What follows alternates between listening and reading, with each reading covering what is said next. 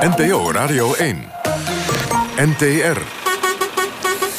Hoe kunnen we in Nederland mantelzorgers gaan ontlasten? Is het tijd voor de oude verzorgingshuizen of moeten we mantelzorgers gaan betalen? En veel winkelpanden staan hier in Almelo dicht. En misschien ook bij u in de buurt. Maar ja, wat doe je eraan? Live vanuit Overijssel is dit het debatprogramma van de NTR. Kwesties met Marianne van den Anker. Goedenavond, wat leuk dat u luistert. Elke zondag reis ik met de bus van NPO Radio 1 kriskras door Nederland... om met inwoners en politici over prangende kwesties te debatteren... lokaal en nationaal. Vanavond staan we met de bus in Almelo. Meekijken hier in de bus met mij, dat kan via de app van NPO Radio 1. Straks een discussie over alcoholverbod, want nog twee maanden... en dan is het alweer lente. Nu eerst de kwestie Tanja Nijmeijer. Ze vertrok in 2002 naar Colombia om zich aan te sluiten bij de ultralinkse terreurgroep die nu vrede heeft gesloten met de Colombiaanse staat. De FARC is verantwoordelijk voor duizenden doden, ontvoeringen en produceren van drugs. En deze week werd bekend dat Nijmeijer uit de FARC is gestapt. Ze is geboren in Denenkamp. Dat is een half uur rijden van Almelo. De vraag is: moeten wij onze landgenoten die in het buitenland zich bij een terreurbeweging heeft aangesloten een tweede kans geven. Patrick Damhuis, jij zit hier, je krijgt zo direct het woord. Je hebt alle artikelen al voor je. Jij strijdt, om het voor de luisteraar even duidelijk te maken, al jaren voor het feit dat alle kinderen van gescheiden ouders in Nederland, zowel de vader als de moeder, of de vader en de vader en de vader en de moeder moeten kunnen blijven zien. Ja. Marit van der Pol, jij bent onderwijspsycholoog. Wat vind jij van deze kwestie? Ja, heel erg lastig. Ik ken uh, Tanja Nijmeijer niet. Uh, ik ken ook de situatie natuurlijk niet goed genoeg. Um, maar in principe vind ik dat als je je aansluit bij een terroristische organisatie, wat in mijn ogen de FARC gewoon is, uh, dan, dan verdien je geen tweede kans. Je hebt gewoon je hebt acties en daar horen consequenties bij. En die moet je gewoon dragen. Helemaal mee eens. Patrick Damhuis. Op zich. Behalve in het geval van, uh, van de vark. Uh, wat uh, in dit geval volgens mij wel het geval is, is dat ze met een bepaald idealisme die kant op gegaan is. En, ze streed tegen de regering van Colombia. Ja.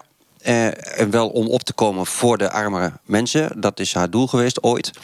En dat vind ik toch net een tikkie anders dan bijvoorbeeld uh, toch de mensen die zich aangesloten hebben bij een ISIS, uh, uh, nu dan de IS dat ik denk van ja, dit soort mensen, zoals een Tanja, ik vind wel dat zij de kans moet krijgen om zich te, nou, bij wijze van spreken te verdedigen.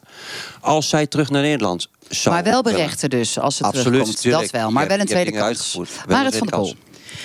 Nou, berechten ben ik dan helemaal mee eens. Dus natuurlijk. Uh, maar ik ga er ook vanuit dat als ze terugkomt, dan wordt ze direct opgepakt, want ze wordt gezocht. Uh, dus en het lijkt me dan uh, lijkt me in ieder geval niet meer dan logisch dat ze berecht wordt. Mm -hmm. maar qua idealisme ik ga ervan uit dat mensen die naar Syrië vertrekken, dat ze dat ook hebben gedaan vanuit een idealisme. En dat is niet een idealisme waar wij ons iets bij kunnen voorstellen. Maar zij wilden ook iets creëren. Um, dus dan zou ik zeggen, ik, ik vind. En die dat verdienen, wat jou betreft, ook geen tweede kans? Nee, die verdienen absoluut ook geen tweede kans. Nee. Ragnild Gaustra, we horen jou straks over het onderwerp rondom de mantelzorgers. Maar jij woont ook hier in de buurt. Ken jij eigenlijk, kijk ook even de rest van de bus omheen, de familie van Tanja Nijmeijer? Nee, die ken ik absoluut niet. Nee. Wat vind jij, tweede kans of niet? Um, tweede kans uiteindelijk uh, als de eerste verantwoording voor zichzelf neemt. Voor de daden die ze uh, gedaan heeft. Mm -hmm. En dan zou ik het nog zieker vinden dat ze zichzelf gaat aangeven bij Interpol of bij de FBI of waar dan ook berecht worden, uh, verantwoording nemen voor je daden. En ik denk dat ieder mens een tweede kans verdient, zolang je dat maar doet. Zolang je dat andere eerst gedaan hebt. Nou, zegt de Verenigde Staten natuurlijk wel in de omschrijving waarom ze haar willen hebben, dat ze op de lijst staat vanwege het gebruik van vuurwapens, het ondersteunen van terrorisme en deelname aan een buitenlandse terroristische organisatie. Klopt. Dat zijn geen forse verdenkingen, Ragnild. Dan nog steeds die tweede kans? Ik denk dat dat voldoende, of geen forse of wel forse bedenkingen. Ja, Hele ja. forse. Ja, maar Hele vind ik ook. bedenkingen. Nee, maar dat zeg ik ook. Eerst jezelf aangeven, Ja. neem de consequenties. Maar gaat ze dat doen? Want ze gaat natuurlijk Ben niet zeggen van... ik ben lid geweest van een terroristische organisatie... ik heb vuurwapens gebruikt, ik heb Dan mensen krijg je tweede kans. Nee, oké, dus er eerlijk Zeker vooruitkomen. niet. Eerlijk vooruitkomen. En ik denk dat wij haar wat minder publiciteit moeten geven. Sowieso. En dat ze niet in elk programma komt omdat het een prachtige dame is om te zien. Want als dat een meneer was met een hele lange baard waar wij ander, allemaal een ander idee over hadden...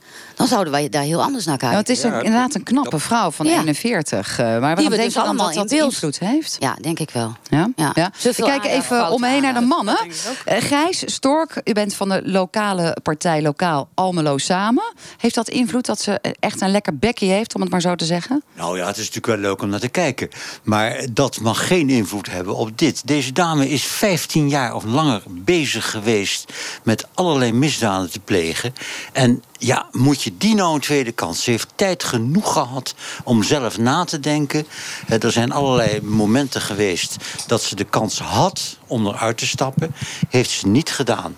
Moeten we daar nu nog hier en daar naar Nederland halen? Ja. Ik voel dat Patrick Damhuis zegt van wel. Maar ik- nog los ik van niet. het punt van Ik berechten... maakt jij het ook het punt van haar intenties waren zo goed. Eh, nee, ik zeg niet dat haar intenties goed waren. Zij is met een bepaalde intentie die kant op gegaan. En wat je daar ook maar van, van mag vinden... eh, ze heeft het willen opnemen voor die arme bewoners daar zo.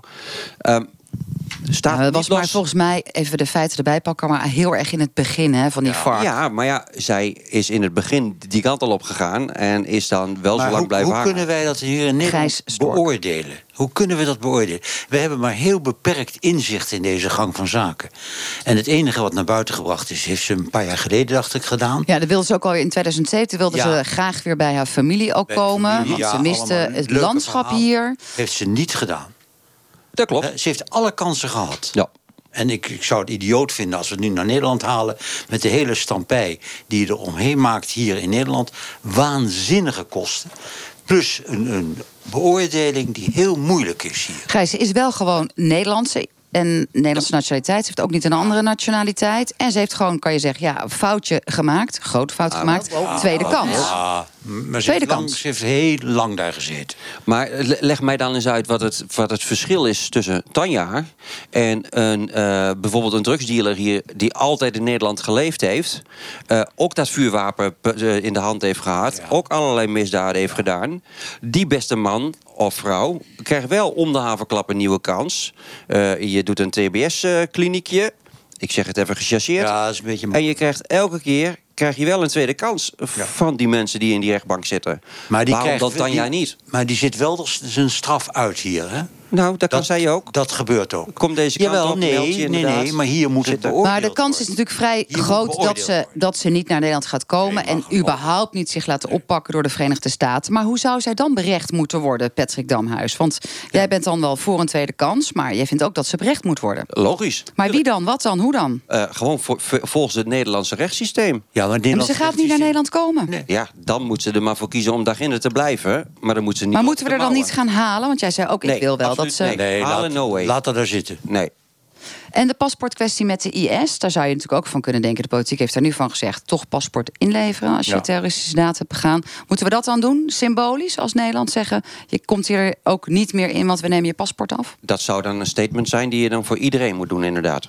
dus alleen dan ook voor dat kan- alleen dat kan niet, want dan ben je stateloos en dat, eh, Dat- dat, mag niet. Dus je kunt het niet afnemen. Dat is het, dat is het probleem, waardoor het inderdaad een beetje meten met twee maten wordt. Want je kunt het bij misschien de mensen die zich aansluiten bij eerst kan het wel en bij Tanja niet. Maar je kunt het niet afpakken. Het is een beetje een theoretische discussie. En toch Ja. praten we er al een aantal minuten over. Omdat het ook emotioneel is. Toch een Nederlandse die dit eh, geflikt heeft. En nu toch zegt: ik stop ermee. Want die FARC is geen terroristische organisatie meer. En nu ben ik de politiek. Hè, is het meer een politieke partij. Nu heb ik er niet zoveel zin meer in. Nou, over politieke partijen gesproken. Vanuit Tietjerkstra Deel zit hier ook nog de fractievoorzitter van GroenLinks. U hebt nog niks gezegd. Dat komt omdat u ook voor het onderwerp van de mantelzorg als geestelijk verzorger hier in de bus bent uitgenodigd, Brigitte Scheeps. Maar wat vindt u daarvan? Nou, ik zit, ik zit een beetje te luisteren en dan denk ik tweede kans. Eh, dat betekent dus, eh, als ik het goed begrijp, dat ze terugkomt naar Nederland. En dat ze dan berecht wordt en dat, dat is dan de tweede Dat kans. zou een route kunnen zijn. Ja, want kijk, je zou kunnen zeggen, als ze terugkomt naar Nederland, dan wordt ze dus ook berecht. Ja. in ieder geval wordt ze denk ik dan eerst uitgeleefd aan Amerika, Nou, want die heeft ja, om haar dus gevraagd. wordt ze berecht. Hè? Ja. En, kijk, en dat is toch ook eh, wat eigenlijk hoort. Dus in die zin denk ik gewoon ja. Maar wat zou jij zelf doen als je in haar schoenen staat? Ze zit nu in Colombia, zegt nou die FARC vind ik niks meer. Eerst hebben we vrede Dan zou ik, gesloten. eh, zou ik gewoon, eh, ehm, als ik eh, voor wat ik gedaan heb, gewoon eh, de straf pakken en nemen. Want dat is gewoon de ook verantwoordelijkheid. Maar De maar wat. Ragneelt natuurlijk ook al aan eh, Ja. droeg... van ja, ze zou natuurlijk eigenlijk moeten zeggen van... ik ben verkeerd bezig geweest. Maar dat hebben we haar nog nooit horen zeggen. Nee, daarom. En tot die tijd ook zeker geen tweede kans. Nee, dus als ze naar Nederland komt, dan heb je juist de kans om haar te berechten. Hè? Of, of Ja. om haar uit te leveren. En, dan, eh, En als jij daar gewoon- zo achter hebt gestaan en je hebt nou deze keuzes gemaakt, dan moet je dat ook doen. Ja. Dat zou ziek zijn. Precies. Ja. Gijs Stork? Ja. Ja, ik dacht, u wil nog wat zeggen, dus ik geef u het woord. Nee, ik wil niks zeggen. Ik ben alleen. Ik, ik vind dat ze die tweede kans niet moet krijgen.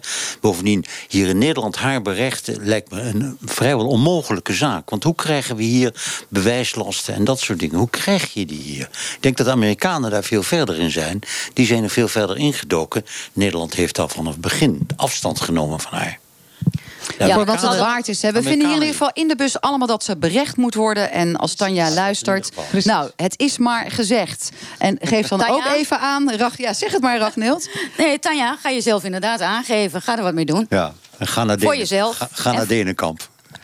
Ja, Nee, daar waar je Ja. vandaan komt. Dat alweer niet. Een andere kwestie die hier speelt. En waarschijnlijk ook op allerlei andere plekken in Nederland. Vooral hier in Almelo. Almelo is het nogal raak als het gaat om leegstaande winkelpanden. De gemeente heeft een plan bedacht. Pandeigenaren moeten binnen een half jaar een huurder zien te vinden. Staat het pand nog leeg, dan komt de gemeente zelf met een paar kandidaten... waar de eigenaar dan uit moet kiezen. Anders dreigt een boete. Goed idee of niet? Patrick Damhuis. Nou, eh, die boete, dat vind ik nee. Ehm, dat valt ook absoluut niet uit te voeren. Want dan, dan ga je als lokale overheid ga je ook nog in tegen landelijke regels. Dus eh, daar ga je ontzettend last mee krijgen. Als Je kan toch via een, een, een APV'tje kan je toch altijd wel wat fixen? Eh, ja, er wordt hier heel veel gefixt in Nederland via APV's. Maar eh, zo werkt het helaas niet. We zijn wel een rechtsstaat, officieel. Ehm, dus daar krijg je een tik van over de vingers. Nee, dat je in gesprek gaat met zo'n pandeigenaar... dat vind ik heel normaal. En dat je hem of haar eh, aanbiedt van... joh, hey, luister, je hebt dat ding al zo lang leeg staan. We hebben gegadigden voor dat pand. Maar dan moet je daar wat mee doen met de huur... of flexibeler of dergelijke. Ja, maar een boete? Nee, dat is, eh, dat is te veel te ver. Nou, duidelijke, duidelijke taal, Patrick Damhuis. Marit van der Pol, onderwijspsycholoog. Wie weet heb jij nog een psychologisch tintje aan toe te voegen. Want de overheid is tenslotte wel verantwoordelijk... om verloedering tegen te gaan in de stad. En die pandeigenaren die kunnen het kennelijk in ieder geval zich veroorloven... om zo'n pand leeg te laten staan. Is toch een goed plan wat de gemeente dan wil? Nou, ik vind het echt heel lastig. Want ik ben het eigenlijk nogal met, eh, met Patrick eens. Want eh, natuurlijk, natuurlijk moet de gemeente ervoor zorgen dat, eh, dat, dat het aantrekkelijk is. Dan eh, trek je eh, mensen aan. Dat, dat, dat brengt geld in het laadje. Dat is hartstikke belangrijk. Ehm, je zorgt ervoor dat inwoners het leuker hebben. Natuurlijk, helemaal belangrijk. Maar boetes uitdelen aan mensen die gewoon zelf een eigendom hebben, vind ik, vind ik niet kunnen. Maar de boete wordt even om het op te nemen voor de gemeente. Ik weet niet of het plan eh, stand gaat houden, ook politiek. Die zegt, wij gaan dan zelf voor uitbaters zorgen... die dat pand willen huren. En als je dan nog niet wil als pandeigenaar... ja, dan krijg je gewoon een boete. Dan ga je dus eigenlijk gemeenschapsgeld uitgeven om daar actief mee nieuwe huurders voor een vastgoedbemiddelaar eh, te zoeken. Ja, ja, ja, Dat ja. feitelijk komt het daarop neer. Helemaal eh, in de stijgers natuurlijk. dat nou, ik, goed. vind, ik Nou, vind wel dat je mee moet denken. Ik, dat vind ik wel. Want, Meedenken is leuk, Ja, maar niet ja. actief gaan zoeken. Eind uit. Nee, Nou, maar waar, jawel, waar, want- waar gaat het om? Het gaat om, om die hij zit binnenstad. tenslotte in de raad, hè, dus hij weet Ja, als beste Almelo- wat hier allemaal speelt. Het gaat erom dat je die binnenstad aantrekkelijk moet maken. En door al die lege panden is die binnenstad niet aantrekkelijk. En wordt er enorm veel geld ingepompt. Maar het doel wat je wil bereiken is heel moeilijk te bereiken... als die vastgoedeigenaren niet meewerken. En voor die vastgoedeigenaren is het niet zo interessant Maar om te waarom willen verhuren. ze daar niet aan meewerken? Omdat ze het net zo goed leeg kunnen laten staan. Ja. Maar wat zijn dat, dan voor een types? Dat zijn, ja, Nee, dat zijn, dat zijn geen types. Dat Nee. heeft, heeft puur fiscaal te maken. Dat is Je fiscaal. een pand kun je drie, drie jaar Ja. leeg laten staan... en de volledige aftrek hebben. Ja. Eh, En- Omdat je het pand leeg hebt staan. Ja. En in de, dus er zit ook geen enkele financiële stimulans achter. Ze hebben, ze hebben geen enkel belang erbij om het te verhuren tegen een lage huur. Als ze En een hoge huur kunnen vangen, is het prima. Maar als ze die huur niet kunnen krijgen, en in Almelo is dat zo, omdat het gewoon niet aantrekkelijk is. Die binnenstad heeft te weinig mensen om die hoge huur op te brengen. Dus je zit in die vicieuze cirkel. Maar sta je achter het plan wat de gemeente nu gelanceerd heeft, Nou, de wethouder ik, eh, ik, weet, ik weet niet of het haalbaar is.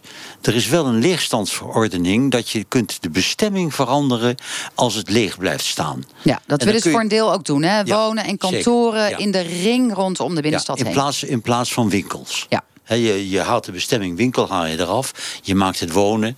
en dan wordt het heel minder aantrekkelijk voor die vastgoedeigenaar. Maar wanneer kun je de bestemming pas wijzigen als dat ding al drie jaar leeg heeft gestaan? ja, dat, maar dat, dat Dus is natuurlijk- driejaarstermijn, dat is een landelijk dat iets. is ongelukkig. Je zal maar politiek verantwoordelijk zijn Ja. en een plan moeten verzinnen. Ja. GroenLinks, Tita Extra Deel. eh, GroenLinks raadslid, fractievoorzitter daar, Brigitte Scheepsma. Speelt het bij jullie ook een Tita Extra Deel? leegstand? wel zijn er geen winkels wel meer? Min, jawel, er zijn Oh. nog wel win- winkels, gelukkig wel. Hè, maar ik denk dat het overal wel speelt. Omdat, omdat je natuurlijk ook internet hebt tegenwoordig. Hè, waar heel veel mensen spullen bestellen. Maar ehm, ja. Ik, ben zelf persoonlijk veel meer van eh, niet dwingen, maar motiveren. Ik, ik vind eh, eh, boetes en, en, en zo, afgezien van of het inderdaad überhaupt mag en kan, eh, vind, ik, vind, ik, vind ik ook niet geen goede zaak. Ik denk veel meer dat je in gesprek moet om eh, samen eh, iets met deze stad. Brigitte, maar dat is toch ook niet daadkrachtig? Het is toch ook weer slappe hap? Ga je weer eindig met elkaar praten? En ik heb net begrepen dat dat fiscaal zo knetter aantrekkelijk is. Daar valt niet tegen op te praten. Nee, nou ja, goed, maar ook niet tegenop te, te, te, te boete geven, denk ik. Nee, maar boven, En- en, en, bovendien, dat is. het, het, sta- stadium van praten, dat is voorbij. Ja. Er is al jarenlang is er gepraat. En zonder resultaat. Dus je moet iets doen. Ja, maar dan Maar je ik, er- ik, ik ben het wel mee. Ik vraag me af of het, eh, of Nou, het dat haalbaar bedoel is. ik ook. Ik Bij denk dat jurist absoluut niet haalbaar. Dat weet ik ook Nee. niet, maar ik ben geen Want Een jurist. vastgoedmakelaar die, die gaat naar zijn advocaat heen. Nou ja, dat- die, dat soort de je aan de natuurlijk oren ook. En je Ja. bent alsnog nog meer geld kwijt. Ja. Je Marit zou van der Pol, kan jij nog iets anders het bedenken om dit probleem op te lossen vanuit de psychologische kant van de zaak? Nou ja, dat, he- dat eigenlijk eh, eh, gaf jij het al aan. Het, het, het, eh, Brigitte Scheepsma. Ja, ehm, het meer motiveren. En ik snap dat dat een grote motivatie is om het leeg te laten staan. Ik, ik snap dat verder niet. Ik ben geen, eh, geen vastgoedeigenaar. Dus dat weet ik verder niet. Maar je ik zou toch ook vanuit de psychologie kunnen denken... die vastgoedeigenaar moet zich betrokken voelen... op het Ja, gevoel ja, van de Dus, mensen ja. in Almelo... en, daarom- überhaupt Daarom overal. vind ik het ook goed pas- dat de gemeente mee gaat denken. Hè, en eh, aangeven, nou, we hebben nu leegstaande panden. Daar kunnen we van alles eh mee Die zijn mee voor jullie staan al tijden leeg. Ja, die is, ja, nou, goed, gelukkig in Enschede niet. Dus dat, eh, ik Ja, weet, daar kom ik kan, jij ik- vandaan. ja, dus ik kan me voorstellen dat het probleem hier gewoon wat groter is. Omdat, ja, het is volgens mij een groot centrum. eh, met eigenlijk dus te veel winkelpanden voor eh, het aantal mensen die je eh Almelo kan bezoeken. Maar maak er dan wat anders van. En ik kan me niet voorstellen dat helemaal geen eh, activiteit in een bedrijfspand altijd beter is dan hem leeg laten staan. Ik kan me niet voorstellen dat leeg laten staan beter is dan er iets mee doen. Er In moet ieder iets geval is het fiscaal aantrekkelijker. Wij gaan Ja. deze kwestie hier volgen. Ook of het juridisch wel of niet haalbaar is. En ook of dat die boete, mocht die ingevoerd worden... uiteindelijk soelaas biedt. Want dan kan de rest van Nederland daar ook nog een voordeeltje mee behalen. Ja. Kwesties met Marianne van den Anker. Ja, je zou het nog niet denken, want inmiddels is het nog steeds hartstikke donker. Hier in Almelo op de plek waar wij staan. Maar over twee maanden is het alweer lente in Nederland. Lekker warm weer, zonnig weer. Heerlijk om er even op uit te gaan en in een park lekker te gaan zitten. Met een kleedje, flesje bier erbij, potje bier erbij, potje... eh, hè? Ik zie Patrick jou helemaal kijken, mooie wijn erbij. Ja. Maar op heel veel plekken mag dat binnenkort niet meer vanwege de overlast. Zo ook hier in Almelo. Wellicht krijg je 250 euro boete. Als het inderdaad hier het plan wordt doorgezet dat er geen alcohol meer in bepaalde parken mag worden genuttigd. En wellicht komt er dan ook nog een handhaver langs als je toch stiekem denkt: ik doe Mag het. dit gezellig eentje meepakken? Zeg jij, Patrick Damhuis. Ja. is dit eh, betutteling of is het gewoon goede bescherming van de openbare ruimte, Patrick Nee, Damhuis? absolute betutteling. Kom op zeg. Eh, we, we verstedelijken steeds meer. We willen graag met elkaar wel een beetje groen hebben. Ehm, maar we willen ook nog een beetje mens kunnen zijn. En mens zijn betekent ook gezellig met elkaar in dat park, bij die vijver, een biertje of een wijntje samen kunnen pakken. Een radiootje aan. En spreek elkaar eens even een beetje fatsoenlijk aan als dat radiootje te hard staat. Of als je met elkaar eh, te veel eh, loopt, loopt te tetteren, eh, dus te veel wijn naar binnen heen klapt. Spreek elkaar daar gewoon op aan. Dat ja, is dus betutteling zijn. en elkaar er gewoon op aanspreken. Dan hoeft de Wel, overheid ja. er niet bij te komen. met allemaal Wel, handhavers nee, die blauwe man en verboden. en vrouw in dat pakje... die moet gewoon lekker buiten bij, bij het park blijven staan... kijken of het netjes gaat. Maar verder, joh, ga wandelen. Marit van der Pol. Ja, het is in eh, eh, Almelo wellicht aan de orde. In Enschede, waar jij woont, ook. In Rotterdam, waar ik woon, overwegen we het ook in een aantal parken. Dan mag je straks niet eens meer lekker wat meenemen om te drinken. Nou, Ik wat vind het, jij ervan? Ja, ik vind het zonde. Ik moet terugdenken aan mijn tijd dat ik in, eh, in Groningen studeerde. En er was niks leukers dan eh, in het eh Noorderplantsoen zitten eh, met een kleedje. We begonnen vaak de dag al in de middag naar het laatste college. En dan gingen we de boeken doornemen. Zo, Eh, ja, zo. En dat moeten wij geloven. we begonnen goed, we begonnen goed. En dan op een gegeven moment kwam dat, eh, kwam dat wijntje erbij, een paar biertjes. Er wordt nog ergens een pizza gehaald. En ondertussen geniet je van de zon. En dat, dat zomergevoel, dat parkgevoel, dat is zo ontzettend mooi. Dat het zo ontzettend zonde is als dat niet meer, als de studenten van nu dat niet meer zouden kunnen meemaken. Ja, en iedereen. Ja, het komt natuurlijk niet uit de lucht vallen, deze ideeën. Want openbare dronkenschap, mensen ruimen hun troep niet op. Dak- en thuislozen zitten er te zuipen.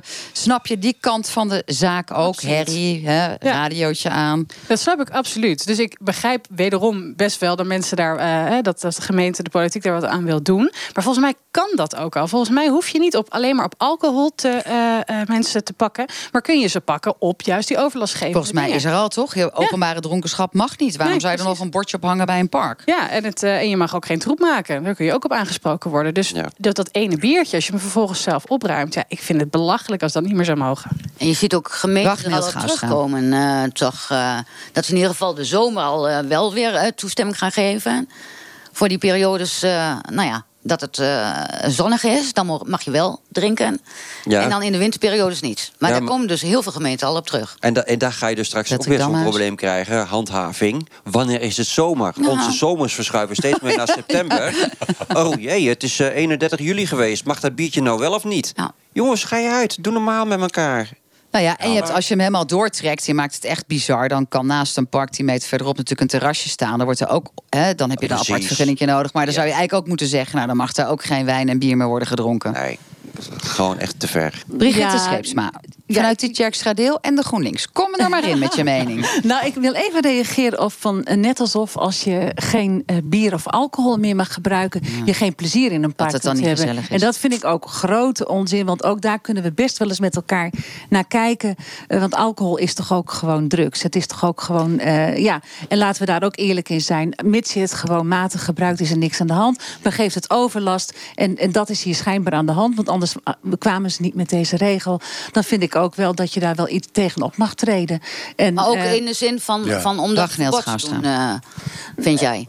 Ik, ik vind eh, ehm, eh, openbare dronkenschap en zo vind ik geen goed voorbeeld. is het al verboden? Ik ook niet. Ik Hè? ook niet. Nee, Maar- dat is Hey. verboden, maar schijnbaar eh, eh, loopt het her en der wel de, de, de eh spuigaten uit. Ja, en dan worden hele parken tot 0% zone verklaard. 0,0. Nou, ik- En dat is wel in trouwens, Een 0,0 hoor, park. 0,0. Ja. Ja. Ik vind het- vanuit ik het lokaal Almelo. over- ik vind het sterk overdreven hoor. Wat vindt u overdreven? Dat dit soort maatregelen genomen worden. Als er overlast is, kan iedereen optreden, politie kan optreden. Maar hoe vaak komt dat voor? Dat is hè, heel weinig. En op dat moment treedt die politie wel op. En de rest moet dan nu kennelijk meeleiden. Maar is het dan een drinken. overspannen overheid in jouw ogen, Gijs... die voor alles weer een regel Ja, denkt, drie keer absoluut. overlast... en Absoluut. Ik vind het echt eh, absurd, dit soort maatregelen. Nou ja, in Almelo dreigt het ook te gaan gebeuren. Wat? Nee, alleen als er overlast Ja, ze gaan enorm zwaar handhaven. Ja. Dat hebben ze aangekondigd. 250 Ze euro hebben- boete. Ze hebben helemaal de mankracht niet voor om te handhaven. dus hier is de pakkans heel Ze laag. kunnen bij het vuurwerk niet eens handhaven. Dus Gedogen we is- dan? Ja. Hier in Almelo, Nee, wat jou betreft? Alleen als er overlast is, treed dan op en laat de rest laat dat vrij. Het wordt toch weer een beetje het soort Nederland gedoogland. En ondertussen hebben we allemaal gedoog- regels. Nee, niks geen gedoogland. Gewoon regels. Het mag. Klaar. Gewoon allemaal hetzelfde wat op Ja, letten, toch? behalve als je mensen hindert ermee. Kwesties met Marianne van den Anker. En in ons getoeter werd hier nog net wat afgemompeld over wel of geen alcohol in de openbare parken. Een hele andere kwestie die we gaan bespreken. Vroeg of laat krijgen we er allemaal mee te maken. Mantelzorg. Voor je kinderen, je ouders, je familieleden die wat verder afstaan. Ze raken op leeftijd of ze hebben iets en hebben ondersteuning nodig. Ondersteuning die op jouw schouders rust. Velen zullen dit met alle liefde doen. Maar wat als deze ondersteuning zo zwaar wordt dat ook je eigen leven eronder gaat lijden? Is de druk op mantelzorgers te groot en kunnen we daar wel mee doorgaan? Ik praat erover met de hele bus, waaronder met Ragnild Graustra uit Frieseveen, met raadslid Gijs Stork van Lokaal Almelo. Samen hebt hem al gehoord en Brigitta Scheepsma van GroenLinks, Tita Extra Deel, maar hebt vooral als geestelijk verzorger ook een reactie ingestuurd Ja, in de trouw. Ja, klopt. Nou, u bent helemaal uit Friesland naar Overijssel gereden en net nog even in Nijmegen geweest. Fijn dat u er allemaal bent. Wellicht voor oplossingen en wellicht om het probleem nog wat steviger op de kaart te zetten. Ragnild, het is natuurlijk niet zo dat jij de eerste bent in Nederland die bent opgestaan heeft gezegd als mantelzorger: het wordt me te gortig, het wordt me te zwaar. Maar je hebt wel in de oproep in de media een oproep gedaan aan minister Hugo de Jonge. Zou u een deel uit uw open brief, het eerste stukje, voor willen lezen? Ja, dat wil ik. Geachte minister De Jonge, beste Hugo. Toen ik mijn dromen voor het nieuwe jaar overpeinsde, kwam ik tot één wens. De droom die al jaren op mijn verlanglijst staat, een eigen leven. De enige die hier echt wat aan kan doen, dat ben jij, Hugo. Ik ben al meer dan tien jaar mantelzorger voor mijn ouders. De laatste vijf jaren zeer intensief. Ik ben zelf ziek, maar spendeer al mijn bruikbare uren aan die mantelzorg. Nu ik voor de tweede keer in drie jaar een burn-out dreig te raken, wordt het toch echt tijd dat iemand anders dit overneemt. Hm, nou, een eigen leven staat op het wenslijstje van jou, Ragnild. Al jaren. Al jaren. En overigens is het wel zo dat de minister heeft gereageerd. Volgende week zit je in Den Haag en praat je in ieder geval met een topambtenaar Ja, daar. klopt. Ehm, ja, hoe komt het dan, denk je, zelf dat jij dat niet voor elkaar weet te boksen, een eigen leven? Daar ben je toch zelf bij? Daar ben ik ook zelf bij. En nogmaals, eh, wat ik net ook over Tanja zeg, de verantwoording nemen doe ik ook zelf. Ik, eh, dat moet ik ook zelf doen. Alleen, ik zit nu zo ver in de mantelzorg dat er gewoon geen oplossing is eh, waar mijn ouders nu naartoe kunnen. Er is niet voldoende zorg. Eh, er is geen achterwacht. Er is niemand anders die het over kan nemen. En als ik nu loslaat, heb je grote kans dat het ook echt misgaat.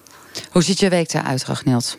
Eh, S S'morgens ben ik zelf ziek, dus vanaf een uur of eh, elf, half twaalf kan ik pas echt eh, daadwerkelijk wat doen. Ja, Eh, zonder uiteindelijk privé eh, dingen Ja, prijs te nee. geven die niet wil, maar 's ochtends ziek zijn en dan de rest van de dag niet. Ik denk dat mensen dat niet begrijpen. Ik ben de hele dag ziek. Ik heb een. eh, ja, dankjewel.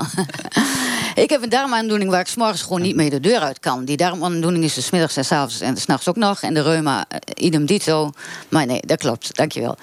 Maar in ieder geval, daarna ga ik eh, richting mijn ouders. Dan eh, is dat vier, vijf keer in de week is dat een ziekenhuisbezoek. Eh, daarnaast verzorg ik de beademing van mijn moeder.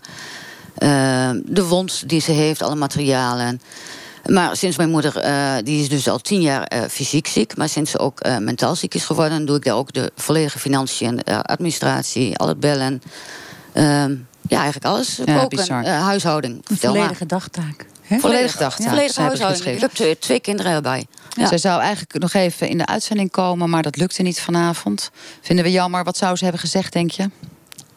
Dat hangt er vanaf wat er gevraagd eh, zou Ja. worden. Wat zou je het liefst willen dat ze zou hebben gezegd op de radio? Ze wil heel graag het verpleeghuis in. Omdat het echt tijd is. Omdat ze gewoon zelf ook niet meer kunnen. Het kan niet meer. Ze wonen wel nu nog thuis. Hè? Je Ze hebt geprobeerd om ze in een verzorgingstehuis te thuis. Krijgen. Ja, ja. Lukt allemaal niet. Nee, ik wil ze heel graag het verpleeghuis in hebben, maar daar is een wachtlijst. Ja. Ja. Is die mantelzorg die jij leeft nu verplicht of niet? Hoe denk jij zelf dat het juridisch zit, Ragnild Het is niet verplicht. Nee, ik voel me wel verplicht. Dat is, dat, dat is de andere kant weer als familie ook. En je groeit er heel langzaam in en dat wordt een meer uren en meer uren en meer uren. Totdat het eh, zover is dat je ook als enige eigenlijk nog de volledige regie over je ouders hebt. En dan is het niet meer terug te draaien. Is er wat jou betreft, en ze zit er al tijden mee, iets veranderd toen die zorg helemaal naar de gemeente ging en al die tafelgesprekjes er kwamen en ook juist die ambtenaren dan vragen: is er mantelzorg voor u? En dan wordt er meteen een kruisje gezet. En als die er is, dan komt er minder ondersteuning. Ehm, dat klopt, maar dat is met name de huishoudelijke en dat soort ondersteuning. Maar nou waren mijn ouders al zo ziek dat er al de nodige ondersteuning toch wel bleef, in mijn geval. Maar dit hoor ik wel van heel veel collega-mantelzorgers, dat die deze problematiek eh, kennen. Ja, en dan is het dus toch eigenlijk als het ware een soort verplicht. Het is ook min of meer verplicht, want eh, op het moment dat ik uitval, wordt er niet gezegd, nou gaat, wordt er meer huishoudelijke hulp ingezet, of nou wordt er meer. eh, maar ja, mijn probleem is al verder dan dat. Ja, Maar jij wil echt een oplossing. Ja. Maar wat gebeurt er als jij ziek bent? En niet, eh, niet ben kan? dus ziek, zoals je ja, maar zei, echt maar ook dat niet is het. de Ik auto in kan en jij gaat gewoon. Afgelopen week, dinsdagavond, word ik gebeld. Ik heb meer ehm, thuiszorg ingezet. Er loopt ook thuiszorg een aantal, dagen, of, eh, aantal keren per dag. Ik heb nu meer thuiszorg, eh, bijna op maximum. Maar dan word ik eh, bijvoorbeeld s'avonds gebeld. En ik, eh, de dagen dat ik er niet ben, word ik continu gebeld. ehm, dat de medicatie er niet is. En dan moet er iemand naar een ziekenhuis. En dan moet ik naar het ziekenhuis om half elf 's avonds. Maar mijn knie is dik, ik kan niet rijden dan zelf. Dan moet ik dus een vriendin bellen. Hopen dat ze oppakt. Die gaat met mij mee naar het ziekenhuis. De zorg moet nog weer terugkomen. Dus, dus daar is geen ontlasting. Is, is, zijn dit soort dingen ook vaak aan de orde? Dat je denkt, ik Oh, heb het wel gepland en dan kan het net aan. Dan komt er toch weer iets extra's tussendoor. Mijn moeder zou vandaag in de uitzending zitten. Maar die is dus inderdaad nog zieker geraakt. Omdat ze een gebroken heup heeft al vijf jaar. En daarnaast kan niet geopereerd worden. Eh, daar heeft ze dusdanig veel pijn aan. Nou ja, dat daar vandaag ook wat moest gebeuren. Ja, dat zijn de dingen die verzin je niet. Of vorige week een wondbloeding. En een, ze heeft een hele grote buikwond. En dan komt er echt zoveel bloed uit... dat ik ook echt met de nefroloog moest gaan bellen. Ja, wat doet dat met jou? Want dit zijn toch ook eigenlijk dingen waarvan je denkt... dat is toch iets wat een professional moet doen... en toch niet een dochter? De professionals komen wel, de thuiszorg komt wel. Maar mijn vader die is dan zo in de stress dat hij niet op tijd op het alarmknopje durft te drukken. Dus die wacht netjes tot de thuiszorg komt. Dat is drie kwartier later. Mijn moeder zit met eh, handdoeken tegen de buik aan om de bloedingen te stoppen. Ehm, dan wordt ze uiteindelijk verzorgd door de thuiszorg. Maar dan houdt de verzorging op. Maar niemand die dan denkt van... oh, maar heeft ze zoveel bloed verloren? Moet er gebeld worden? En eh, gelukkig heb ik een rechtstreeks contact met een nefroloog. Die regelt dan dat er directsmiddag iemand komt prikken om het HB te controleren. Die is dusdanig laag dat er acuut bloed eh, aangevoerd moet worden. Dus dan ga je weer naar het ziekenhuis en dan zit je En zo zit je in een enorme maalstroom van allemaal dingen. Maar wat doet het met jou als jij s'avonds in je bedje ligt? Dat is het. Ik probeer het emotionele stuk zelfs uit te schakelen, want dat is niet te hanteren. Maar het zijn wel je ouders. Ja. En dat is het zwaarste wat ernaast bij komt. Het is 24 uur, 7 zorg. Laat de ouders niet aan hun lot over. En dat is het. En daarom voel je je verplicht. Heb jij het gevoel dat je zelf aan het wegcijferen bent... of over je grenzen heen aan het gaan bent? Volledig. Of als Maar een robotje? Dat ben ik. Maar dat ben ik al jaren. En eh, ik, heb, ik geef dit al aan vanaf april. Maar er is verder geen hulp. Dus ik zit er echt alleen voor. En ik hoor iemand naast mij vragen van... heb je geen familieleden? Ja, ik heb een broertje in eh, Los Angeles. Ja. Ja, dat is ook niet echt... Nee, dat eh, schiet niet op. nee. En jouw rest- kinderen die dan voor opa en oma kunnen zorgen? Niet kinderen, nee. Ik heb zelf geen kinderen. En dat is het ook nog eens een keer. Ik ben alleen. Dus dan is het ook nog makkelijker om ingezet te worden. Omdat mensen... eh, je hebt geen gezin. En dan heb je ook nog een mazzel dat je niet al te ver weg woont. En dan woon ik nog dichtbij. Dus ik heb echt bewust eh, afgelopen jaar een hond genomen. Ook om een eigen leven te creëren. En iets voor mezelf.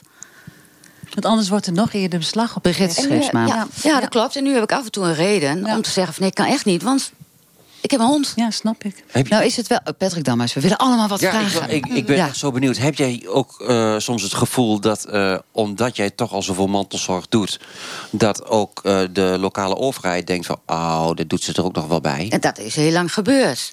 Ja, dat is ook heel lang gebeurd. En dat heb ik zelf gedaan. Hè? Nogmaals, die verant- verantwoording neem ik ook zelf. Tuurlijk, je kunt Maar ook nee zeggen, maar eh, Dat met als jij nee er komt zo geen in oplossing. zit, met nee komt er Maar geen je zou toch ook, ik raak je ondertussen aan, je kan toch ook verwachten dat er dan iemand zit die denkt, weet je, eh, moeten we niet aan haar de vraag stellen of zij niet overbelast is? In plaats van dat wij er makkelijk maar van uitgaan, ach, dat doet die dochter wel. Ik word bijna emotioneel van je vraag op dit moment, want het is zo. Dit heb ik me heel vaak afgevraagd. Ja. Van, is dan niemand die mij ziet? Letterlijk. Het wordt Van- automatisch. Vandaar ook mijn brief hoor. verwacht. Dit was echt een noodkreet. Het wordt zo verwacht van alle instanties, van alle. De thuiszorg, die springt nu in omdat ik het aangegeven heb. Van jongens, ik kan niet verder. Maar die hebben ook een bepaalde grens. Verder gaan ze niet. En dat is dus ook waar ik bij de gemeente het laatste jaar al zo vaak voor aangeklopt heb. Van jongens, help. Echt letterlijk, help mij. En Ja. bij welke gemeente klop je aan dan? Want je woont in Frieseveen en je ouders wonen in Almelo, begrijp ik. ja. Bij welke gemeente klop je in Dat is ook een hele leuke vraag. In het verleden heb ik inderdaad ook bij de gemeente Twenterand... eh, daar valt Frieseveen onder. Die geven niet thuis, want die zeggen van... ja, je woont in Frieseveen, maar je bent mantelzorger in Almelo. Ja, dat moeten zij dan maar oplossen. Ja. Los het maar op in Almelo. Op het moment dat je aanklopt in Almelo... wordt eigenlijk hetzelfde gezegd, alleen andersom. En wat, wat doet een huisarts dan in deze? Nou, is het wel zo dat we de wethouder uit Almelo hebben gevraagd om hier te komen. Die kon niet, omdat hij andere verplichtingen had. Eh, we zijn wel over, dank overigens voor het delen van jouw verhaal. Ik denk dat het voor heel veel mantelzorgers herkenbaar is. In dit geval is het je ouders, maar sommige mensen hebben het natuurlijk ook gewoon met hun kinderen of met allerlei andere naasten. eh, dat je die mantelzorg leeft. En je levert hem, want volgens mij is dat wat iedereen die dat doet, ehm, van diepste voelt in zichzelf. Je doet het, want je houdt van de mensen Ja. voor wie je zorgt. Ja, maar soms wordt het een tikkeltje te veel. Scheeps, maar je hebt in trouw gereageerd. Je bent geestelijk verzorger en ook politiek actief. Ja. Dat gevoel dat je het toch verplicht moet doen. Dat is toch eigenlijk raar in Nederland. Ja, maar dat is ook de trend die ingezet is. Hè. Met de decentralisatie van de zorg is, de, is, de, is deze zorg ook naar de gemeente gekomen. En eh, dat is natuurlijk een bezuiniging, heel duidelijk. Hè. Want er is van eh, formele eh, zorg, er zijn banen wegbezuinigd. En toen heeft de overheid gezegd, nou, dat kunnen mensen wel voor elkaar gaan doen. En daar zit de bezuiniging natuurlijk gratis gaan doen. Hè, voor je familie, voor je buren, voor je vrienden. Zo kun je dat, kun je dat heel mooi oplossen. Volgens de, de overheid is dat ook eh, de manier waarop je het zou moeten gaan doen. Maar daar gaan ze voorbij aan één ding. En dat vind ik, eh, vind ik echt heel eh, eh, kwalijk eigenlijk. Dat je daarmee eigenlijk ook zegt tegen de mensen... jullie zorgen niet genoeg voor elkaar. En als je kijkt naar de cijfers, dan is dat echt niet waar. Mensen in Nederland zorgen heel veel voor elkaar. Eén op de drie volwassenen is mantelzorger. En eh, Nederland is kampioen vrijwilligerswerk. Dus er gebeurt heel veel ehm, eh, zorg en, en werk vrijwillig en onbetaald dus. Hè? En daar, zit, daar zit dus eigenlijk ook de bezuiniging. Maar ook wordt het daardoor niet gewaardeerd en niet gezien. Terwijl alle informele zorg en al het informele werk... dat draagt de betaalde economie. Want dankzij dat alle men, sommige mensen zorgen... kunnen andere mensen werken. Als dat niet gebeurde, kon het niet. Dus mijn pleidooi is ook... maak die informele zorg zichtbaar. Maak eh, zichtbaar wat mensen allemaal voor elkaar doen. Hè, wat jij voor je ouders doet. Eh, waardeer dat werk en betaal dat werk. Dus dat is gewoon heel simpel. Het is de beste manier om eh, mantelzorg en alle zorg die mensen voor elkaar doen, om dat te waarderen. Laten we die oplossing die jij daarin gooit, Brigitte, zo direct even met elkaar eh bediscussiëren. Eerst nog eventjes in de bus een rondje maken. Voelen jullie allemaal ook verplicht om mantelzorg te verlenen als het zover komt? Gijs? Ik denk het wel. Ik denk ook dat dat typisch Nederlands is.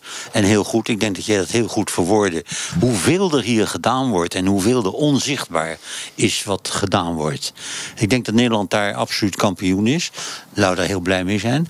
Maar als ik dit verhaal hoor, dan dit is wel heel extreem. Dit is iets wat niet een, eh, een mantelzorger gewoon kan doen. Gijs Stork, Dit jij bent van Lokaal Almelo Samen. Dus jij kent ook verhalen van mensen uit de wijk. Denk jij Ja. echt dat dit een extreem voorbeeld is? Nee, ik denk dat het veel vaker voorkomt, maar het is wel extreem. En ik denk niet dat dit. Dit is een zaak voor professionals.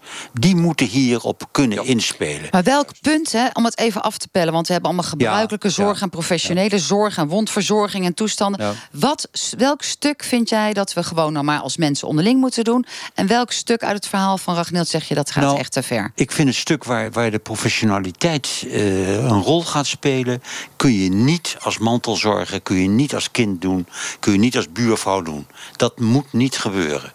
En dat moet gewoon door professionals gedaan worden. En daar is een heel groot gebrek. Er is een heel groot gebrek. Aan jij bent zelf politiek verantwoordelijk. Al Ja. die ambtenaren die onder jou, hè, raadslidmaatschap, Nee, een go hebben bij wijze van spreken. nee, dat weet je. begrijp ik. Ja. Maar die geven hier dus wel alle inwoners bij zo'n keukentafelgesprek de opdracht: ga op zoek naar mantelzorgers.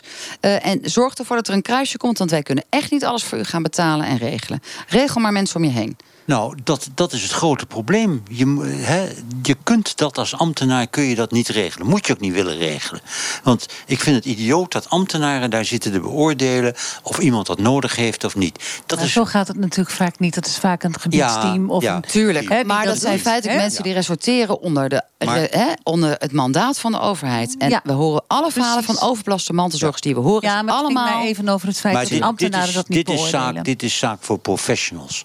Eh, huisartsen kunnen hier een dikke rol in spelen, denk ik.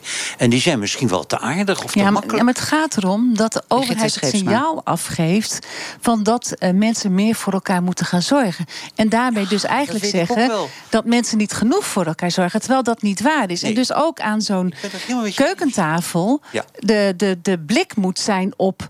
eh, hoe kunnen wij goedkope zorg krijgen... in plaats van hoe kunnen wij de best mogelijke zorg En er krijgen. is ook, En- aanvullend aan jou en tegelijkertijd vraag aan de bus, weinig ruimte om nee te zeggen. Precies, Heb jij wel eens nee gezegd, Ragnhild? Van ik kan niet meer. Ik heb dat vorig jaar dus geprobeerd om Ja. nee te zeggen. En toen was er dus geen achterwacht. En Dus ga jij maar weer ja doen. Ja, precies. Ja. Hoe is- kijk jij daar tegen aan, eh, Marit van der Pol? Tegen welk stuk? Want er is heel Het- veel besproken. Nou, het, vooral het stuk of je zelf nee zou durven te zeggen. Ehm, nee, ik ben heel erg slecht in nee zeggen. Dus ik zou eh, geen nee zeggen. Ik zou het wel. Ik- ik zou denk- alles- is dat ik ook denk- waar, waar er dan gebruik van gemaakt wordt in het systeem? Dat je wel moet gaan en dat mantelzorger er gewoon bij hoort? Ja. Als het mag Ja, nee zeggen. Ik heb daar zelfs coaches voor gehad om mij hierbij te helpen om nee te zeggen. Maar op het moment dat je het mis ziet gaan, er is geen andere oplossing, wordt die nee vanzelf weer een ja. is Als er toch je moeder, het is toch je Het vader, het is toch je kind. Ik hou Ja. van ze. Ik wil zorgen dat en het je goed krijgt, gaat. En je krijgt denk ik ook het best wel zwaar als je nee zegt. In Etteleur heeft een, een dochter het gedaan. Hè. Die, die deed huishou- huishoudelijke hulp voor haar moeder. En die heeft gewoon gezegd, dit doe ik niet vrijwillig. En de bestuursrechter heeft haar gelijk gegeven. Nou is dat natuurlijk heel afgebakend. Het is heel wat anders dan hoe jij, eh, wat jij allemaal voor Maar je wel doet. hoopgevend voor een aantal mensen in Nederland die zelf voor hun ouders precies, huishoudelijk precies. hulp en Want een druk gezin en zelf nog van alles en nog wat moeten doen. moeder. Zij moest, dat was haar werk. En waar het mij dus gewoon om gaat, is dat al het werk wat mantelzorgers doen. En wat, wat eh, vrijwilligers doen, al dat onbetaalde werk, dat dat gewaardeerd moet worden. En dat doen wij nu eenmaal in Nederland met geld. En dus is jouw voorstel als volgt, Brigitte dat je eh, ehm, het zichtbaar maakt en dat je het gaat waarderen. En maar dat, betekent dat dan eh, iedereen een, eh, die mantelzorg verleent, krijgt daarvoor betaald? Bijvoorbeeld? Of Ja. voor een deel van de uren Kijk, ja, ik heb gepleit in, in, in de krant voor eh, een zorginkomen of zorgcredits. Dat is pensioen voor mantelzorgers. Maar eh, ik ben ook groot voorstander van basisinkomen. Oké, maar dat is natuurlijk het vanuit nou ja, maar goed, dan en- geef je mensen. politiek ding nou wat ja, breder nee, is. maar basisinkomen is natuurlijk wel zo dat als je dat zou krijgen. Want het gaat erom dat mensen ruimte krijgen om te zorgen. Een normaal leven, zoals graag en een normaal leven krijgen. En ook eh, de ruimte krijgen om zorg Zou te jij doen. bij dat pleidooi van Brigitta Scheepsma gebaat zijn, Ragnild? En dat is eigenlijk pleidooi van... jij krijgt gewoon betaald voor de uren eh, die jij zorg levert. Nee, maar dat komt omdat ik er al veel te ver en veel te ver in zit. Ik bedoel, dat zou misschien... Ik zeg wel Daar zou het niet moeten Ik ben al komen, 13 waar mantelzorg. Ja. Maar de eerste Ja. jaren was het maar tien uurtjes. Dus voor mij is dat niks meer. Waar zou Maar- jij bij gebaat zijn? Kunnen we straks nog even verder debatteren... of dat zorginkomen, die zorgcredits, een goed idee is. Waar zou jij bij gebaat zijn, Ragnild? Mijn ouders zijn met name gebaat, en daarmee ik ook, bij opname in het verpleeghuis. En wel per, eh Per ingang van nu. morgen, per nu. Het liefst nu nog inderdaad. Eh, en daar ben ik, dat is ook het enige. is Daarnaast, En ook een is dat een pleidooi voor meer verzorgingshuis? Want dat is natuurlijk ook onderdeel van eh, een van de vele debatten die we in Nederland hebben gehad. Er ging een aantal dicht, er zijn er weer, een- de kwaliteit is weer verbeterd. Maar Ja, vooralsnog wel- is de minister enthousiast. verpleeghuizen, hoor. Want eh verzorgingshuis zou ertussen zitten. Ik, ben, ik heb een pleidooi, eh, doe ik ook voor de verzorgingshuizen... die weer terug moeten komen. In ieder geval een vorm van. Een, een, een soort woonvorm tussen thuis verzorgd worden... en de verpleeghuizen. En daarnaast voor hele acute actie van minister De Jonge... eh, om het aantal verpleeghuisplekken te vergroten. Er staan 18.600 mensen op wachtlijsten.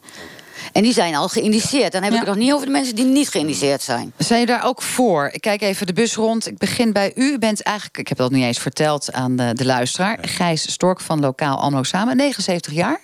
En nog kwik en fit en vitaal. Ja, ik heb nog geen mantelzorg nodig. Nee, Nog- maar Nog niet. Maar het kan komen. Ja. Morgen kan het morgen gebeuren. kan het komen. Wij staan op zo'n onhandige plek. Als u hier naar beneden ben- pleurt vanaf ons helemaal hebt u bijna nodig. Er, er is voor heel veel mensen geen plek in verpleeghuizen, in verzorgingshuizen. Daar moet aan gewerkt worden. Het is schandalig. Ik heb zelf een vriendin die zit tussen demente bejaarden. Terwijl ze dus absoluut niet dement is. Maar dat is de enige plek waar ze dus geplaatst kan worden. Nou, dat zijn absurde dingen. En kunt u daar lokaal iets aan doen vanuit Nee, uw is positie als raadslid? Stikken moeilijk om dat te doen.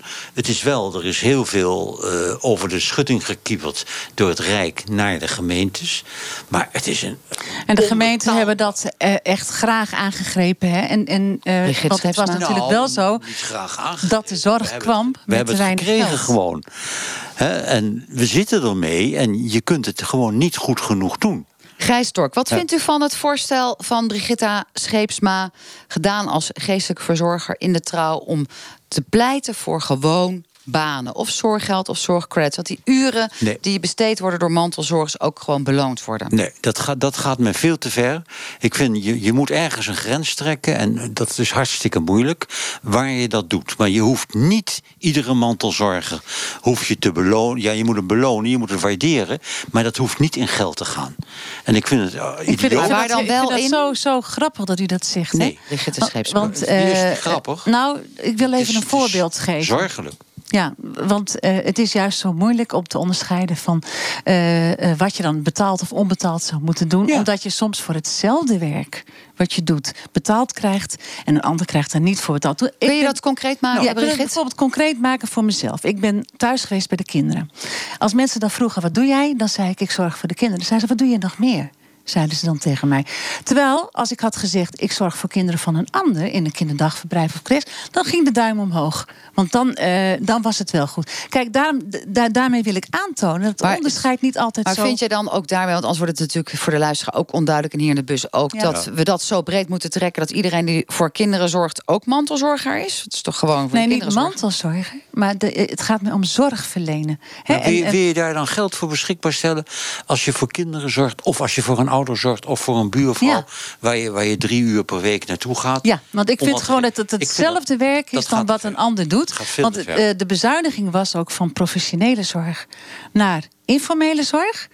Dus banen die er eerst waren, moesten weg. Want mensen moesten dat eh, eh, onbetaald gaan doen. Nou, het argument was overigens niet een bezuinigingsoperatie, maar een eh, het wel geworden, zorg hoor. nabij. Het is denk ik wel zo uitgepakt. Dus daar zal politiek uiteindelijk, denk ik, door Den Haag ook wat over Ja, en ik wil even, even nog één opmerking maken. Want ik had het straks over de gebiedsteams. Dat die, die doen wel hun uiterste best hoor. Dat wil ik er wel bij zeggen. En, maar het gaat mij gewoon om de opdracht die er is. Die Maar hun uiterste best doen? Of krijg jij ook signalen dat zij toch, want dat horen wij in ieder geval heel veel op de redactie en ik zelf ook als ik in het land ben, dat er vanuit wordt gegaan dat je mantelzorg levert. En dat je eigenlijk daarbij ook een beetje over je grenzen heen gaat. als... eh, over wie heb je het nu? Nou, over de mantelzorger die in gesprek is met al die dat zou kunnen gebiedsteams waar jij Dat is ook het signaal wat, wat naar buiten is gekomen. Hè? En, en, eh, en ik denk ook dat daar ook eh, ehm, meer oog voor moet zijn. Maar vooral, en dat is gewoon eh, wat ik gewoon vind in deze samenleving, is dat, wat ik net ook tegen u zei, dat voor hetzelfde zorgwerk, hè, eh, wat, wat je doet, eh, de een wel betaald krijgt en de ander niet. En dat maakt heel veel punt uit is qua waardering. Gijs Stork zei, ik vind dat het op een andere manier beloond moet worden, dat mantelzorg. Maar hoe dan wel? Wat is uw beloningssysteem dan? Als Nou, het ik niet meegaat in het voorstel zit- van Brigitta. In jouw geval zit de beloning er een heel groot gedeelte in. Dat je ouders het waarderen.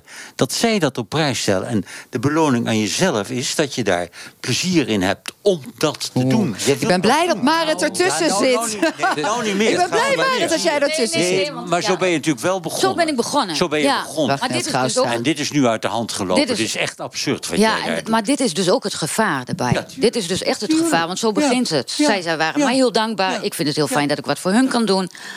Ik zou zelf ook graag weer aan het werk gaan. Ja. Ik wil ook graag mijn werk weer oppakken. Maar ik, Jawel, maar daarom, je, er moeten ergens grenzen gesteld worden. Ja, En Nou, wat is dan de en grens? Want u, geeft, dat u praat prachtig, Gijs Stork, maar ik weet nog niet wat u vindt. Dus ik wil twee dingen van u weten. Ja. Wat is de waardering die u voor mantelzorgers dan wel passend vindt?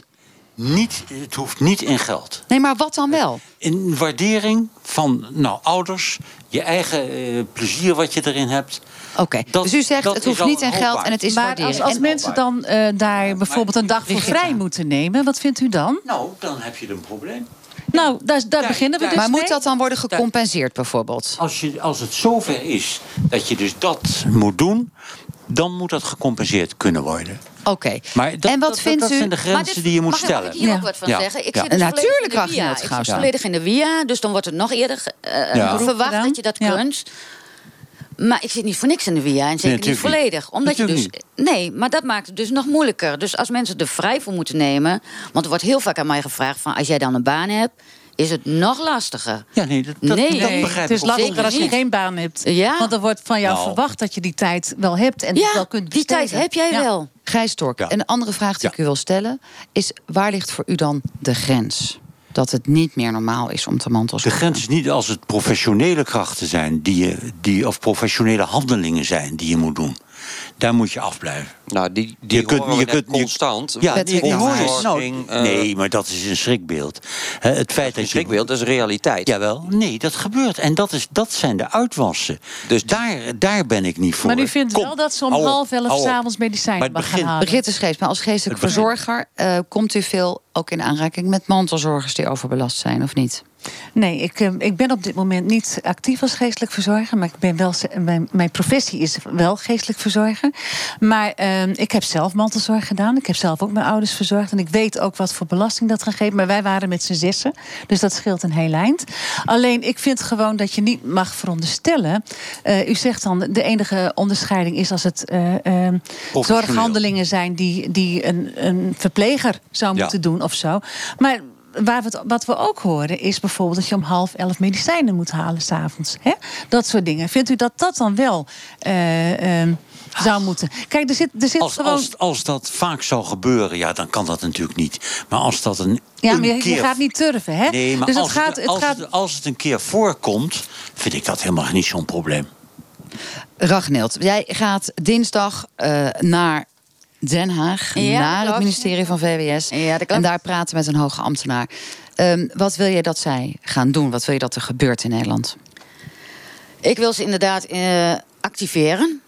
Eerst inspireren door mijn verhaal daar te vertellen, zodat er ook echt een gevoelsbeleving komt. Maar En hoop je dan echt... activeren. Ja, oké, nog even, hè, want we zitten aan het eind van de Ja, uitzending. Maar ik was zelf zo verbaasd dat Mark Rutte, nadat hij had gesproken van die slachtoffers, van die, dat hij toen pas zoiets had van, nou, ik die ze gesproken heb, nu pas voel ik echt hoe erg het is met die, zag- eh, met die ja, fraude. Ja, denk ik van, ja, 44. jeetje man, dan praat je nog niet met hem, met Hugo de Jonge, maar praat je met een ambtenaar. Mhm, ja, dat klopt. Maar goed, Maar ja, je wil ze wat ik inspireren. kan bereiken om te inspireren en vooral te activeren om wat aan die wachtlijsten te gaan doen, om wat aan die overbelaste mensen, maar vooral aan al die wachtenden op die verpleeghuisplekken.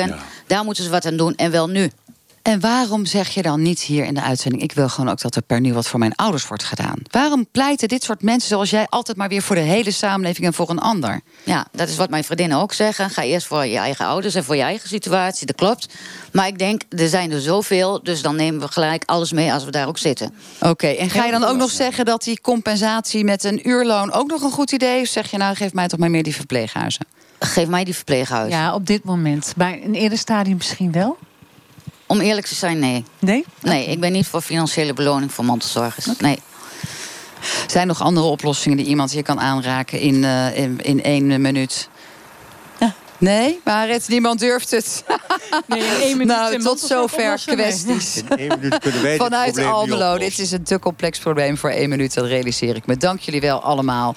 Hier vanuit de bus van NPO Radio 1. Zo direct radiodocumentaar en aflevering 1 van Kwaad Bloed. Dit is het eerste deel van een bijzondere true crime podcast... over moord en doodslag op het platteland. Een hele fijne avond. Tot volgende week. Dan staan wij weer ergens anders in Nederland... en pakken wij prangende kwesties beet. Nationaal of lokaal. Ragnild, heel veel succes volgende week. Dankjewel.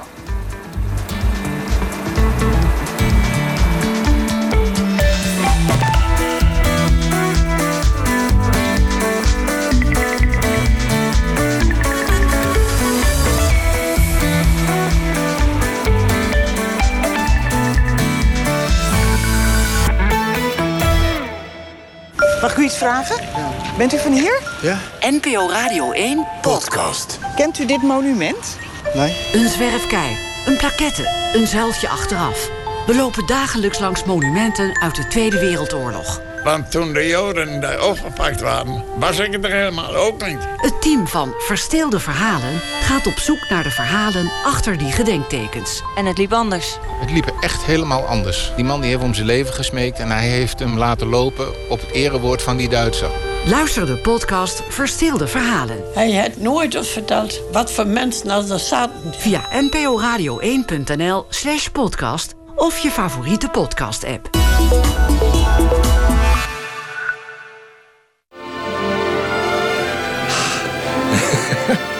Heerlijk. Ik was echt helemaal weg.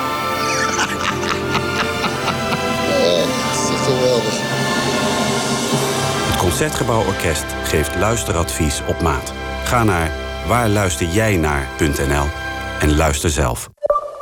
Wil jij gemiddeld 300 euro besparen op je energierekening? Met de collectieve inkoop energie van Vereniging Eigen Huis... krijg je samen de beste deal. Ideaal. Super. Dus doe ook mee en zeg straks ja op jouw persoonlijke aanbod. Ja. Of nee natuurlijk, want zo vrijblijvend is het. Schrijf je in op eigenhuis.nl. Vereniging Eigen Huis, sta sterker. Hoe krijg je grip op verzuim en reïntegratie? Dat leer je met de regie op verzuim van CS-opleidingen. Al ruim 10 jaar marktleider in opleidingen voor case management. Kijk voor meer informatie op csopleidingen.nl. Iedereen kan meedoen met de collectieve inkoop energie. Dus ga ook voor de beste deal en schrijf je in op eigenhuis.nl. Vereniging Eigen Huis, sta sterker. Ga naar csopleidingen.nl. Begrijpen, beleven en doen. Hoi, ik ben Cas van BelSimpel en ik help je te vinden wat echt bij je past. Tijdens de bizarre BelSimpel dagen ben je veel goedkoper uit op telefoons en abonnementen. En met kortingen tot wel 240 euro zou ik zeker even gaan kijken. Let op, je hebt alleen vandaag nog. Misschien zit er wat voor jou bij? Je komt erachter bij BelSimpel. Alle telefoons en providers op één plek. Wij zijn de Volksbank. Is dat een nieuwe bank? Nee, wij zijn het moederbedrijf van SNS, ASN Bank, Regiobank en BLG Wonen. Ah, oké. Samen investeren wij in een beter Nederland. Oh, zoals? Nou, we stimuleren met Regiobank bijvoorbeeld lokaal ondernemerschap in de buurt. Nou, dat is sympathiek. Ja, hè? We heten niet voor niets de Volksbank. Beter, voor elkaar. Kijk maar eens op devolksbank.nl. Nou, ik ben benieuwd. Pieter de Hoog, beroemd schilder uit de Gouden Eeuw en meester van het licht. Topstukken uit de hele wereld zijn voor één keer bij elkaar in Museum Prinsenhof Delft. Pieter de Hoog in Delft, uit de schaduw van Vermeer. Tickets?